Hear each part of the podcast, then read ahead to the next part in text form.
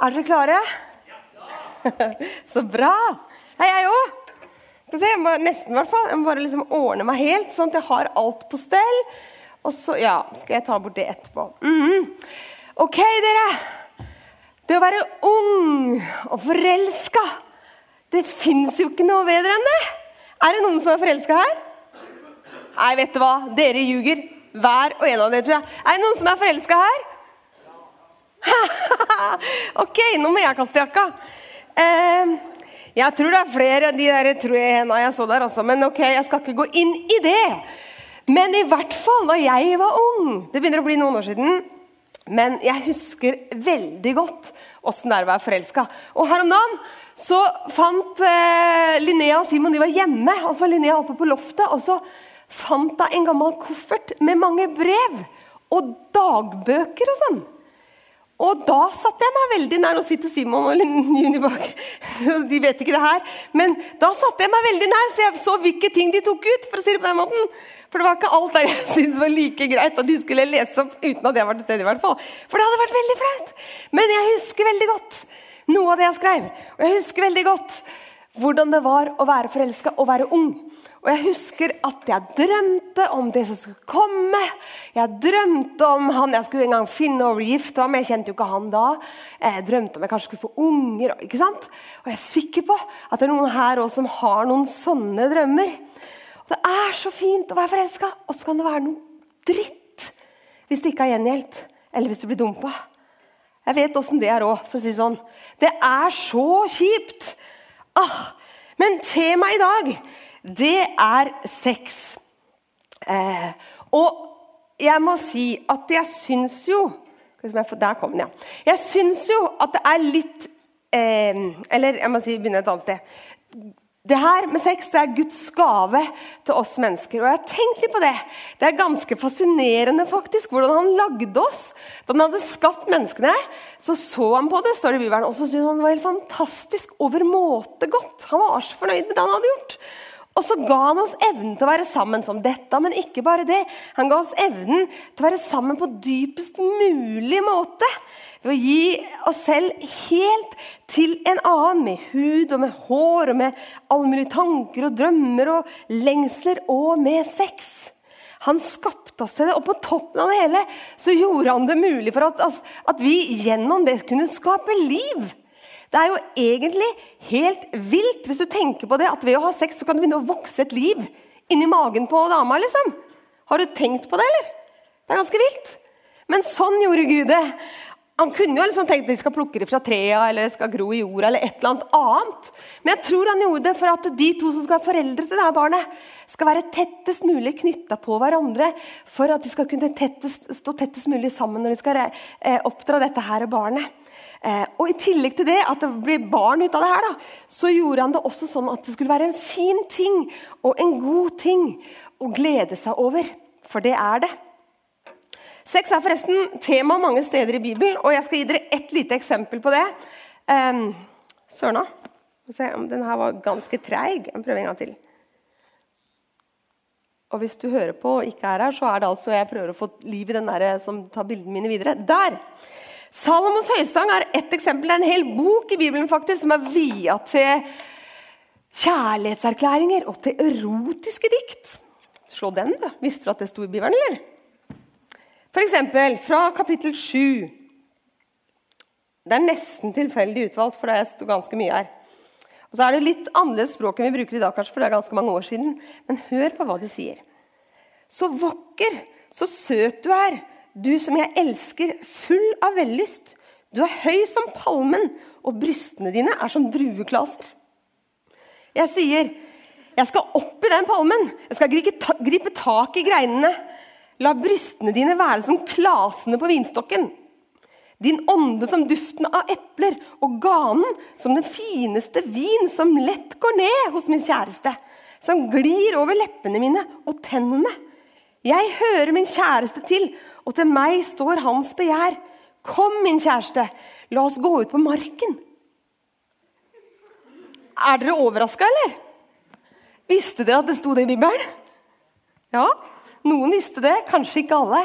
Men jeg må si at jeg syns at det er litt dumt at denne taleserien her har ødelagt verden som overskrift når vi skal snakke om sex.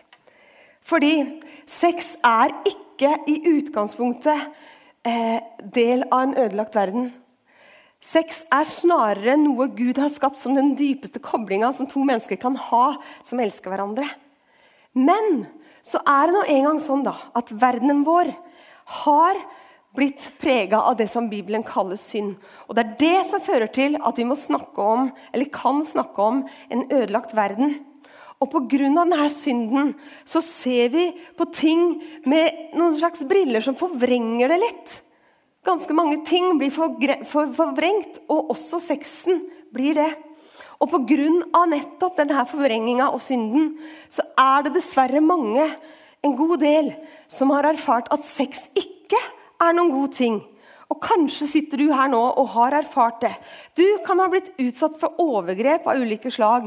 Du kan ha blitt seksuelt misbruk, misbrukt. Du kan ha opplevd at noen tar på deg på måter du ikke syns noe om, og som ikke du vil at de skal gjøre.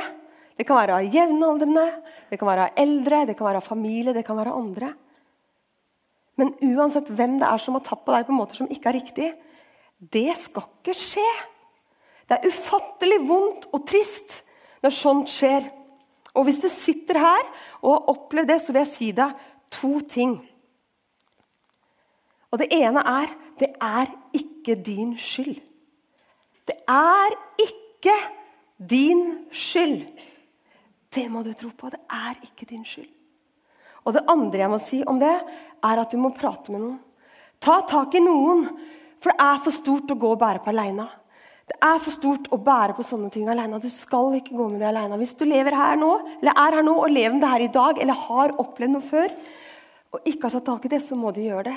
Grip tak i noen du har tillit til, noen som du kan snakke med, og som kan hjelpe deg til å komme videre. For det er mulig å komme videre. Det er mulig å bearbeide. Det er mulig å legge ting bak seg og få et annet syn på sex og livet og deg sjøl.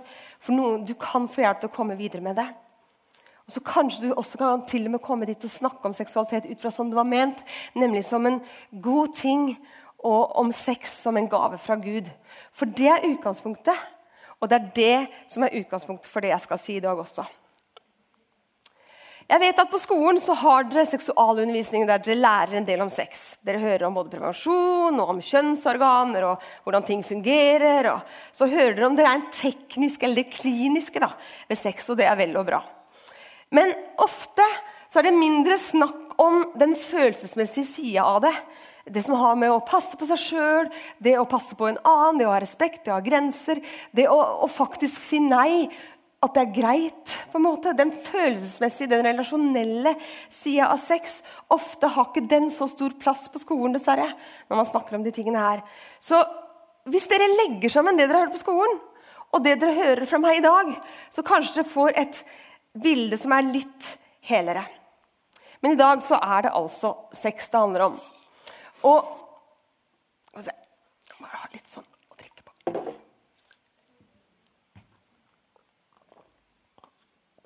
Og for å snakke om det um, Så skal jeg krasje et par myter eh, om sex. Og myte det er noe hvis, noen tror, eller hvis mange tror at noe er sant uten at det nødvendigvis er det. Og så skal jeg krasje et par av de mytene som sier litt om sex. da. Og Den første myten jeg skal snakke om, det er dette. Sex er bare fysisk. Men sex er selvsagt fysisk. Så klart er det fysisk. Det er hud, det er nakenhet, det er passion, det er begjær, det er det å ligge så tett sammen som det overhodet er mulig. Det er sånn tett at du blir inni den andre. Det er klart det er fysisk. Sex er kjempefysisk. Men hvis vi ser på kulturen rundt oss, og på musikken og filmer og serier på Netflix, og you name it, så tyder mye på at det er kun fysisk. Det ser ut mange ganger som om det er det første man gjør. Eh, hvis man tenner litt på en annen og har lyst, så er det jo bare å ha sex. da. Eller hvis du vil teste ut litt og prøve ut litt med venner, så er det bare å prøve. da. Det er jo bare fysisk. Er det ikke det? Eller Hvis du tenker deg litt om, så skal det ikke gå så veldig lang tid før du tenker at nei, det er ikke bare fysisk. Det er noe mer.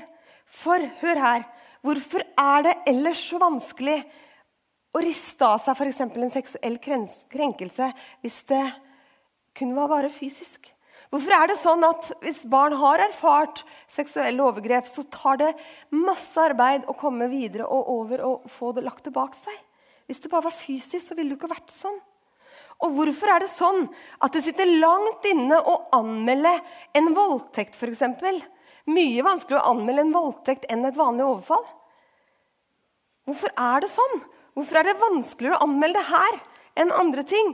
I fjor så var det en kampanje som het Metoo. Mange av dere har sikkert hørt om den.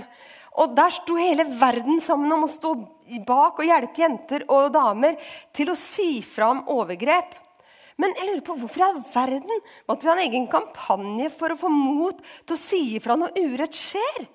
Når urett skjer i forhold til seksualitet? Hvis det bare var fysisk, så begynte vi bare Det var jo bare sex. Nei, for det er nemlig ikke bare fysisk. Når man involverer seg seksuelt med et annet menneske, så lokker man opp den innerste døra i deg, som er mer enn den fysiske. Det er mer enn bare kroppen. Eh, det er tankene dine, det er følelsene dine, det er ditt innerste, det er lengslene dine. Ja, til og med det åndelige blir berørt når man har sex. Og der, det kan vi si, fordi at Sex det er den koblinga som Gud har skapt for at vi skal kunne få leve så tett som mulig med hverandre som det er, ja, som det er mulig. Og Dermed har jeg naila den første myten. Sex er ikke bare fysisk. Myte to. Alle kjærester må ha sex. Nei, alle kjærester må ikke ha sex. Og Her skal jeg først gi deg noen tall. Rett og slett statistikk fra Norge. Det er faktisk de færreste 16-åringer i Norge som har hatt sex. Det er litt greit å vite. For Du kan få litt følelsen av det, motsatte hvis du hører på diverse stemmer. Og Den gjennomsnittlige debutalderen for å ha sex den er over 17 år. Det betyr at det er normalt å være 16, og 17, og 18 og 19 år uten å ha hatt sex. Det er mange over 17 som ikke har hatt sex, forteller dette tallet oss. Det er med andre ord helt normalt å vente lenger enn det kulturen ser ut til å fortelle oss. Her så sitter dere i alle mulige slags aldre. Dere er ja, et stort spenn her. Men uansett alder så har dere alle hørt stemmene fra kulturen som sier at eh, du har du kjæreste, så er det klart du har sex. Det er en tendens som sier at du må jo si ja til å ligge sammen. Samme om du har vært sammen kort eller vært sammen lenge. Hvis, hvis begge har lyst, og ingen eh, blir skada, så er det jo bare greit å gønne på, eller? Er det ikke det? Nei, det er ikke sant. Det er faktisk ikke sånn det er. Du må ikke ha sex med kjæresten din. Men det du må, det du må, det er å bevare hjertet ditt. Sånn at du kan være mest mulig hel på innsida di. Sånn at du kan faktisk stå og være den du faktisk ønsker å være. Det er ikke nødvendigvis de stemmene som roper høyest, som er de beste. Det er ikke nødvendigvis de som vil deg det beste. Og hvis du gir deg fullt og helt til kjæresten din, og så gjør du det med neste kjæreste og så ble det slutt. Og så gjør du det med neste kjæreste. Og så gjør du det med neste kjæreste. Og da blir det nesten som å sløse litt med seg sjøl, på en måte. Du blir ikke mindre verdt, men du behandler deg selv som litt mindre verdt. Dersom du gir deg bort litt sånn anførsel billig, da. For du er altså så verdifull. Det er så viktig å si. Du er så verdifull. Enten du har hatt sex med mange eller ingen, så er du så verdifull. Hva du har gjort og ikke gjort, det, din verdi er ikke knytta til det i det hele tatt. Din verdi er knytta til hvem du er. Derfor er mitt råd til deg å behandle deg sjøl og andre som nettopp så verdifull som det du er. Og Nå skal vi se bitte litt på det Bibelen sier. da om disse her tingene. Og I første boka i Bibelen, i første Mosebok 2, 24 og 25 så står det at mannen skal forlate foreldrene sine og så skal han holde seg til sin kvinne, og de to skal være én kropp. Med andre ord, skal, Når du ligger sammen, da blir du som én kropp. Um, Og så står det at Adam og Eva de var nakne, og de var uten skam. Og det syns jeg høres så fantastisk ut. De er liksom bare blank, helt seg sjøl. Nakne, fysisk nakne. Men òg i overført betydning at de var seg selv helt og fullt. Uten skam. De kan bare løfte blikket og reise ryggen. og bare, Voff, Der har de meg! Hele meg. De var uten skam. Så skal vi lese om at eh, Dere har hørt om syndefallet og eplet som er spist. og alt Det her. Det treet det frukten den kom fra, det kaltes for kunnskapens tre. og det ga dem kunnskap. Til da så hadde de bare kjent det gode. Ved å spise av det kunnskapens tre ble de også kjent med det onde i verden. De fikk øynene opp for det onde, og de begynte å skamme seg. Og med det så begynte de å dekke seg til, og det ble litt vanskeligere alt sammen. Men også, ja, så kom da høysangen senere i Bibelen. Dere hørte orda derfra i stad. Og enda senere i Bibelen så har vi Paulus, annet. Det er om seks flere steder i Bibelen, men også har ikke Paulus å si litt om det.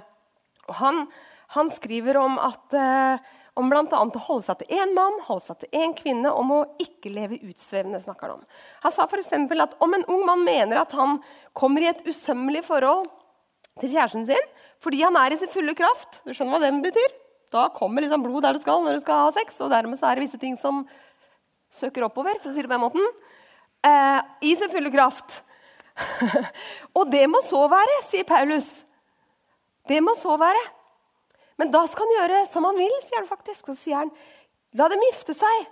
Så synder han ikke med det. Da er det liksom i ryddige forhold.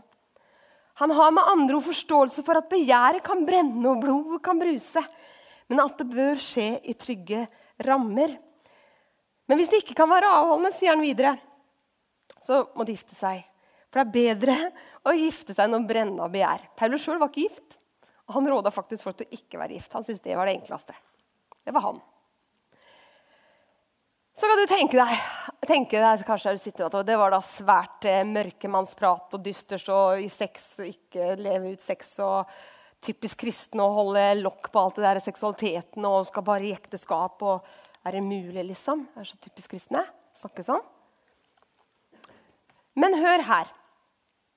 Før du sier at det er typisk religion å legge lokk på sånne ting, og typisk religion å si at sex fy-fy og sånn Det er ikke det jeg sier, by the way. bare så det er sagt. Eh, men jeg skal gi deg et lite historisk riss. Fordi historisk så er ofte religion faktisk knytta til seksualitet. Og da gjerne på bekostning av den ene parten, og oftest kvinnene. Og I nyere tid kan det også være masse eksempler på religiøse ledere som tvinger på seg sex eller har, oppfører seg seksuelt overskridende, som det heter, fordi de er i en viss posisjon. Så religion har ofte misbrukt dette her for å få sex, faktisk. Og allerede på Moses sin tid så var det sånn eh, i folka som var rundt jødene, ikke jødefolket, men de som de bodde blant, der var det helt normalt med fruktbarhetsguder. Og man ofra til dem, faktisk. Og offeret var bl.a. å ha sex på offerstedene. Så vi vet ikke hvordan folk opplevde det, men jeg kan jo tenke meg at når damene fikk høre at en gang i året så skal de ha sex med presten liksom, Fordi at det må de gjøre for å please gudene, fruktbarhetsgudene Og jeg tuller ikke engang, det, det var tilfellet.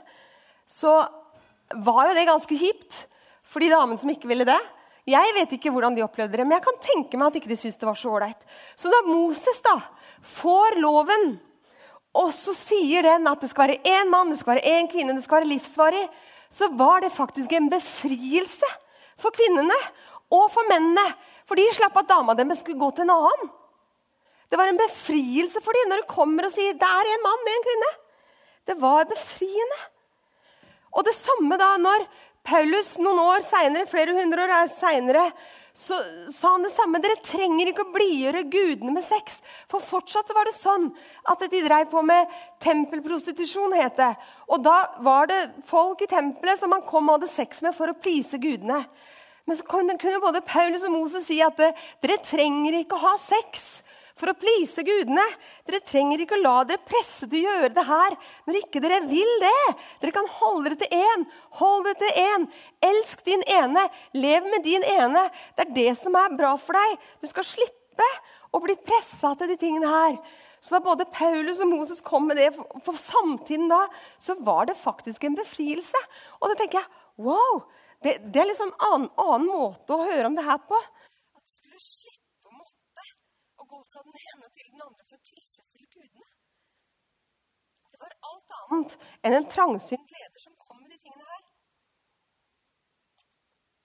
Så tenker jeg på vår tid, da. Vi er jo ikke det er jo ikke sånn, sånne type ting av religiøsitet, religiøsitet, på den måten i vår tid nå. Men vi lever i det som er et sekal, sek, nå må jeg ikke si seksualisert, det er for det kanskje også, men jeg skal prøve å si noe annet. Sekularisert. Vi lever i et sekularisert land. Dvs. Si et ikke-religiøst land. Så det er ikke lenger religionen som legger den slags bør på skuldrene våre som sier at vi skal gjøre ditt eller datt. Men jeg vil si, vi er ikke helt fri fra kulturen vår allikevel. Fins bloggere og TV-serier og reality shows og jeg vet ikke hva. Det finnes så mange stemmer der ute som sier at du bør gjøre ditt og du bør gjøre datt. Og har du ikke gjort det, så er du jo helt ute og oss og videre. Samtida vår sier at hvis det er noe du har lyst på, så skaffer du deg det. Enten et nytt interiør, eller det er nye pupper, eller det er ny dame, eller det er sex. Kjør på. Det er så mange krav som sier at vi kan bare kjøre på. Og samtidig det så er det så mange krav som forteller oss hvordan vi skal se ut. Og det er ganske heftig for særlig dere som er unge, å leve i. Og jeg tenker at det er ganske ufritt. Selv om man sier faktisk at du er fri. Du er fri til å gjøre alt. Du kan gjøre alt du har lov til. Det Det er en så vid frihet, og dermed også mye forventning, som gjør at det blir en tvangstrøye. Når melodien der ute er 'du kan gjøre hva du vil', det fins ingen grenser, ja, så blir det nettopp et krav om å gjøre alt mulig rart. Har du lyst, så ligger du sammen, så lenge ikke du skader noen. liksom. Ikke minst hvis du har kjærester. Hvorfor vente da hvis vi har lyst? Så kaller man det frihet. Men jeg skal si deg en ting. Den virkelige friheten den finner du hvis du kan være fullstendig trygg på den andre partneren din. At han ikke ikke vil sammenligne, deg, sammenligne deg med den forrige. At hun ikke vil sammenligne deg med det hun så på en eller annen serie. Virkelig frihet er når du kan være helt trygg til bare være deg. Og ikke kjenne på disse her forventningene som måtte være i kulturen. Begge var nakne, men de skamma seg ikke. De var nakne i alle ordets betydninger. Både fysisk, men også i forhold til følelsene forhold til de innerste tankene som ikke du vil dele med hvem som helst. Hvis ikke du vil dele det med hvem som helst, burde du heller ikke dele det fysiske med hvem som helst.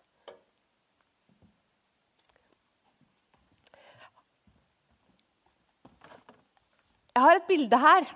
Det er ganske verdifullt. Ser dere hva det er? Det er min kjære og meg for uh, nesten 25 år siden. nygift og forelska. Det er ganske verdifullt for meg, dette bildet her. Så det passer jeg på. Det står på kommoden på soverommet vårt. Jørgen, er du med? Som sagt, det er ganske verdifullt. Tar du imot, eller? Jo, tar imot, da. Tar imot, da. Ja. Send det rundt. Du kan bare kaste det rundt til de andre. Det er ikke så farlig. Bare Sleng det rundt. Du må bare se på det. Bare send det rundt. Åssen behandler vi det som er verdifullt? dere? Det er ikke så veldig uvørende, syns jeg. Åssen behandler vi det som er verdifullt? Ja, nå er dere så flinke og snille med det bildet. Vet du hva? Ofte så er det som om mange behandler seg sjøl som om de var en som kasta det bildet ut. da. Det er egentlig så verdifullt. Så kaster man det litt ut. Eh, og så går man fra hånd til hånd, fra person til person. Og så blir man på en måte litt slitt, kanskje.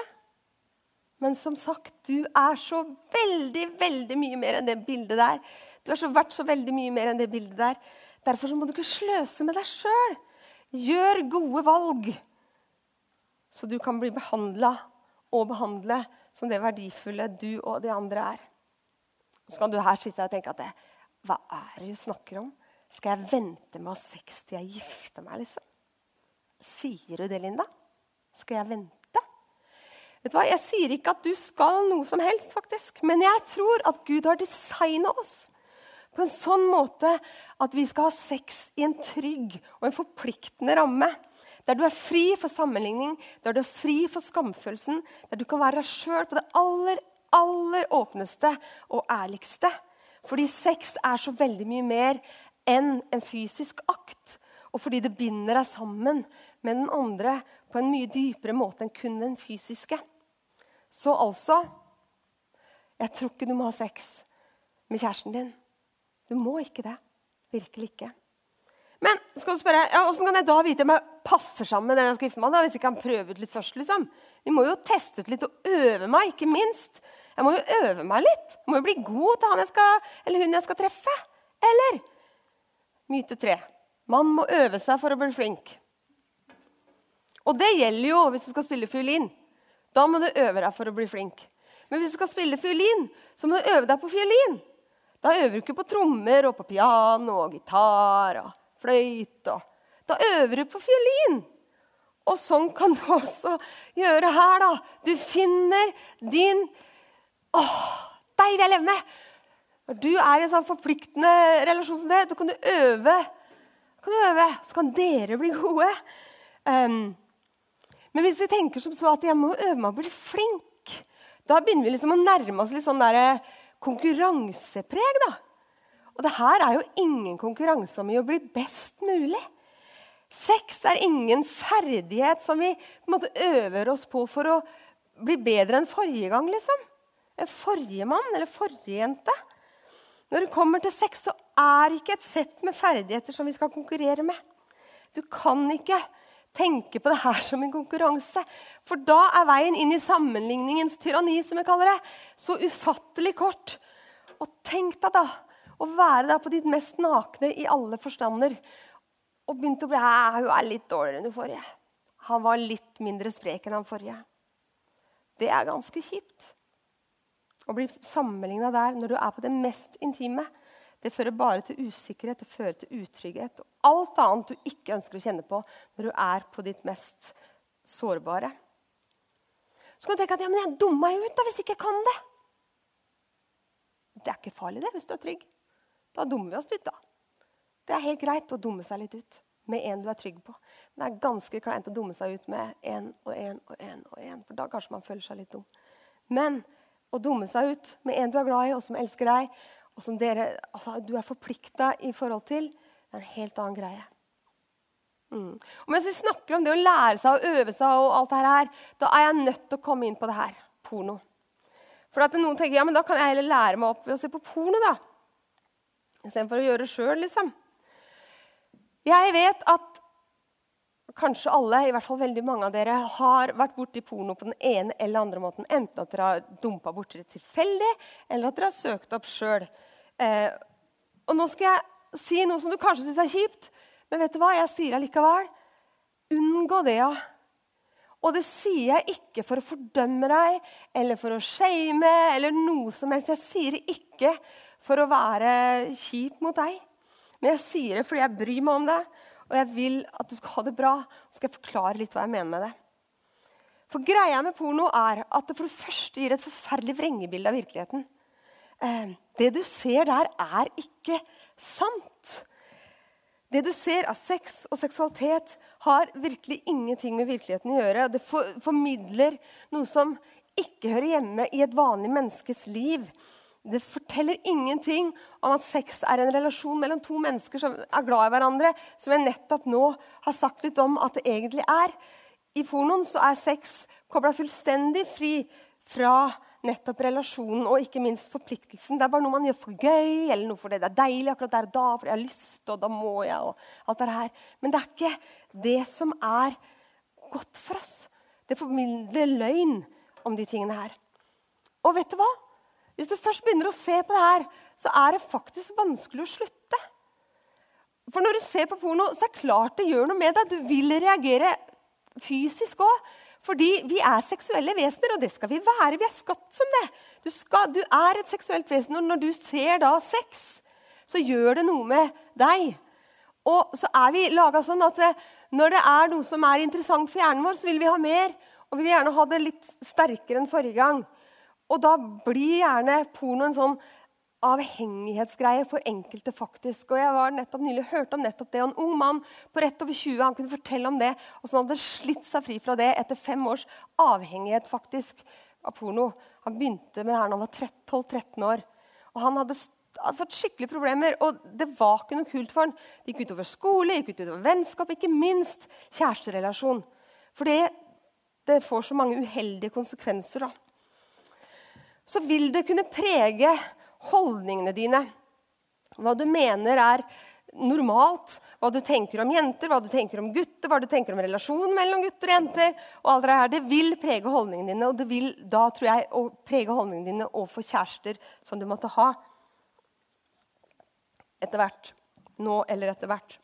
Så når du er inne på pornosier, så gjør det mye greier med det. Jeg vil si unngå det. Det er uheldig. Ikke minst å lagre spor i deg. Sjelelige spor, fordi du får litt sånn kjipe minner i, i huet ditt. Eh, og så lagrer du digitale spor. Så du, det vil kunne spores i årevis, eller alltid, egentlig, at du har vært inne på akkurat den sida. Akkurat din ma maskin. Så både digitale spor, men ikke minst da de i hjertet ditt, i deg. Men uansett hva du har sett av porno, uansett hva du ikke har sett av porno, uansett hva du har gjort i ditt virkelige liv, og uansett hva du ikke har gjort i ditt virkelige liv Du er verdifull uavhengig av det. Fordi det er ikke hva du gjør feil, eller hva du angrer på du har gjort, som gir det Eller du kan aldri gjøre feil. Nei, åssen blir det? Nå sa jeg helt feil. Det er ikke det at Du kan gjøre feil, nemlig. Du kan gjøre feil, og du kan gjøre ting du angrer på, men du kan aldri være feil. Du kan aldri være feil. Din verdi er som sagt uavhengig av gjøre, eie, ha, se ut osv. For din verdi er knytta til det at du er et menneske. Punktum. Med andre ord så får den her til å gå nå, må vi øve oss på å bli flinke fall ikke på forhånd. Du kan øve deg når du er kommet til det her at du har i dette forpliktende forholdet der du vil være. Jeg tror, jeg er overbevist om at Gud har gode tanker for oss. Hver og en av oss, og Han skapte oss med seksualitet. Og han ønsker at du skal kunne glede deg over seksualiteten din. Og at du en dag skal leve det fullt ut. Og det at du i dag, da, mens du er ung og ikke gift og ikke har et forpliktende forhold osv., der du er nå, at du på en måte lærer deg å si, temme seksualiteten din og, og, ha kontroll på deg sjøl. Ikke bare voff, fyre løs hver gang. liksom. Når du lærer å temme det, så vil du bli en veldig mye bedre livsledsager. Fordi du vet åssen det er å også, ja, ha kontroll på deg sjæl. Det er en god greie. Men du kan nyte seksualiteten din når du er i det rette rette forholdet i de trygge rammene, i de forpliktende rammene. Da kan du gi deg sjøl fullt og helt til den andre uten å bli, være redd for å bli latterliggjort og uten å være redd for å bli avvist.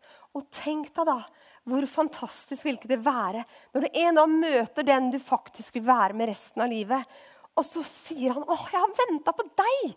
Endelig er det der!' Eller så sier du 'Å, nå.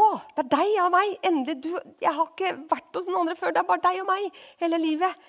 Jeg tror det kan, det kan bety så mye for forholdet deres. Og tenk å være den ene som har blitt venta på. Da er du ikke en i rekka, men du er eksklusiv. Du er unik. Du er én ene istedenfor én av mange. Nå skal jeg vise dere noe. Jeg har noen greier her. Nærmer seg slutten, altså, hvis dere begynner å bli redde nå. Holdt på lenge nå, ser jeg. Ja, det har jeg. Um, jeg skal bygge et lite tårn. Et kjæresteforhold har flere deler. Det har eh, vennskap, kjennskap og vennskap. Og så har det tillit. Og så har det berøring. Og så har det forpliktelse. Det er så stort at det nesten ikke får plass på boksen. Og det kan jo være en overført betydning på. Mm -hmm. Men poenget er at disse tinga er i et kjæresteforhold. Eh, mer og mer eh, etter hvert som man har vært sammen. Få til å flytte seg igjen, da. Come on, bildet mitt. Gå, da. Æsj. Å, hvordan det går, da. Gjør du der. Ja. Kjæresteforhold. Ikke de søte? Å, helle min. Utrolig kjedelig når sånt skjer. Takk. Der, ja, har vi alle de her elementene. Og så er det sånn da, at hver av de på en måte bygger på hverandre. Man er først venner og blir godt kjent med hverandre. Og så får man tillit. Man skjønner at denne dama her, hun er jo til å stole på. Og da kan jeg forplikte meg, da. Og da kan vi ha berøring. Så er det sånn at det er på en måte en trekant. Eh, åh, jeg tror jeg skal bare ta bort den Mac-en. Som ser litt sånn ut. da. Jeg hadde ikke trekant, jeg hadde en fir eller sånn. sånn. Mm. Eh, og i mange forhold eller takk som Trekanten er liten når man er fersk i et forhold, og jo, mer, jo lenger man har vært sammen, på en måte, da, jo større blir den trekanten. Jo mer lærer man å kjenne, og større tillit og dypere forpliktelse og større berøring. Men poenget er at de her voksne Ofte så begynner noen relasjoner her. Og så blir det sånn etterpå, da. Men, eller jeg vet ikke hva som kommer etterpå, ja, men det blir litt sånn ustøtt. Ser du det? Jeg tar ikke slippen. Det er litt mindre støtt, rett og slett. Men hvis du begynner i rette enden og bygger et forhold på kjennskap og vennskap, og ut fra det får tillit til hverandre, så kan du våge å gå inn i et forpliktende forhold og si at det her mennesket her, han er jo faktisk så bra at han vil satse på. altså. Jeg kan jammen gå for han. Og da tør jeg å gå hele veien òg. Men jeg vet han vil jo være der, ikke bare i dag, men i morgen. Når jeg våkner opp med morning hair, holdt jeg på å si. Og jeg våkner opp og er kjip og trøtt og dum og Så er han der allikevel. Da går det an å gå all the way. Mm. Rekkefølga på de er ikke tilfeldig. Det ene må komme før det andre. Jeg vil gi deg to råd. Så kan du velge om du vil følge de eller ikke. Men de henger sammen med det her at jeg er ikke dummere og er heller ikke gamlere enn at jeg skjønner at når man er ung og forelska, så bruser blodet. Og man 'Åssen skal jeg klare ah, Jeg har ikke opp og ned på meg sjæl engang. Åssen skal jeg liksom håndtere den rekkefølga der? Da? Det er så vanskelig. Jeg har lyst på den Jeg har lyst til å ligge med den. To råd. ene er bestem deg på forhånd hva du ønsker med livet ditt. Og når du da får en kjæreste, snakk med kjæresten din om det utafor soverommet. Snakk med kjæresten din om det på en ålreit måte, sånn at uh, dere kan uh, ha litt enighet om den rekkefølga her. da. Ofte så kan man få spørsmål ja, men hvor langt er det lov til å gå. Um, når vi er kjærester, hvor, hvor, langt kan vi gå? liksom? Hvis ikke vi skal ha sex, hvor langt kan vi gå da? Vet du hva? Det er ingen klare svar på. Jeg skal ikke stå her og gi et svar på når det har vært sånn tre uker. så er det ditt. Altså, Jeg kan ikke svare sånn. Det er bare tull. Eh, det er første, det er bare tull å svare sånn. Eh, særlig i plenum, eh, sånn som jeg er her nå. Det nytta ikke. Men sånn én til én, en helt annen greie. Da går det an å ta en prat om det. Men å snakke om det på forhånd, det er viktig. Og så det her med at um, du kan spørre deg sjøl Du har kanskje en drøm om hvem du skal treffe en dag og leve med resten av livet. Er du den personen som den personen vil leite etter? Lever du i dag som den ville leve Eller som, den som du drømmer om, drømmer han eller hun om en sånn person som deg? For den personen du drømmer om, bør jo, du bør jo leve sånn som du håper han skal ha det. Hvis du skjønner hva jeg mener. Tenk over det. Hva slags fortelling ønsker du å fortelle den personen da til slutt møter? Hva ønsker du å være historien skal om ditt liv? Det er på en måte to sånne litt sånn utfordrende spørsmål helt på slutten her nå. Vi skal gå inn for landing her. Så kan du tenke over det. Lever du på den måten som du ønsker at din framtidige kone eller manns partner skal leve? Uansett hvordan livet ditt har vært til nå, og uansett hvor du er hen i dag eh, Vi kan gjøre feil, men vi kan aldri være feil. Vi er kanskje en del av en ødelagt verden, men vet du hva? Gud er større enn det. Og han har større tanker for deg enn det. Han ønsker at når vi går på trynet, så vil han være med oss, enten det gjelder sex eller andre ting i livet vårt. Han går med, og når du går på trynet, så vil du merke kanskje hans omsorg enda mer. For da trenger du det enda mer. Nå skal jeg gi deg anledning til å gi respons på det som jeg har sagt. Resten av beinet kan godt komme opp, egentlig. Um, og jeg vil utfordre deg enten det er noe du ønsker å takke Jesus for, i forbindelse med det her, kanskje, eller kanskje i forbindelse med noe helt annet. Kanskje det er noe du ønsker å be om hjelp til. Eller kanskje det er noe du ønsker å bearbeide som har vært vanskelig. Særlig kanskje i forhold til uheldige seksuelle opplevelser. Uansett hva, da, så kan du nå få anledning til å søke Gud. Du kan få forbønn, du kan få samtale hvis du ønsker det. Det er folk bak i rommet der, det er en globe der, det går an å skrive bønnelapper. Du kan stå her i benkeradene og være med i, i, i, det på den måten at du er der. Skal reise oss opp, og så skal jeg be en bønn. Så vil jeg si helt til slutt det at Gud, han har så gode tanker for deg. Og uansett hva, så er det ingenting ingenting i denne ødelagte verden som kan skille deg fra hans kjærlighet Jesus Kristus. Fordi du er verdt så all verdens mye. Kjære, kjære Jesus, jeg takker deg for at du elsker oss, og jeg takker deg for at du har gitt oss verdi ved å gi ditt eget liv. Du har kjøpt oss, Herre. Vi hører deg til.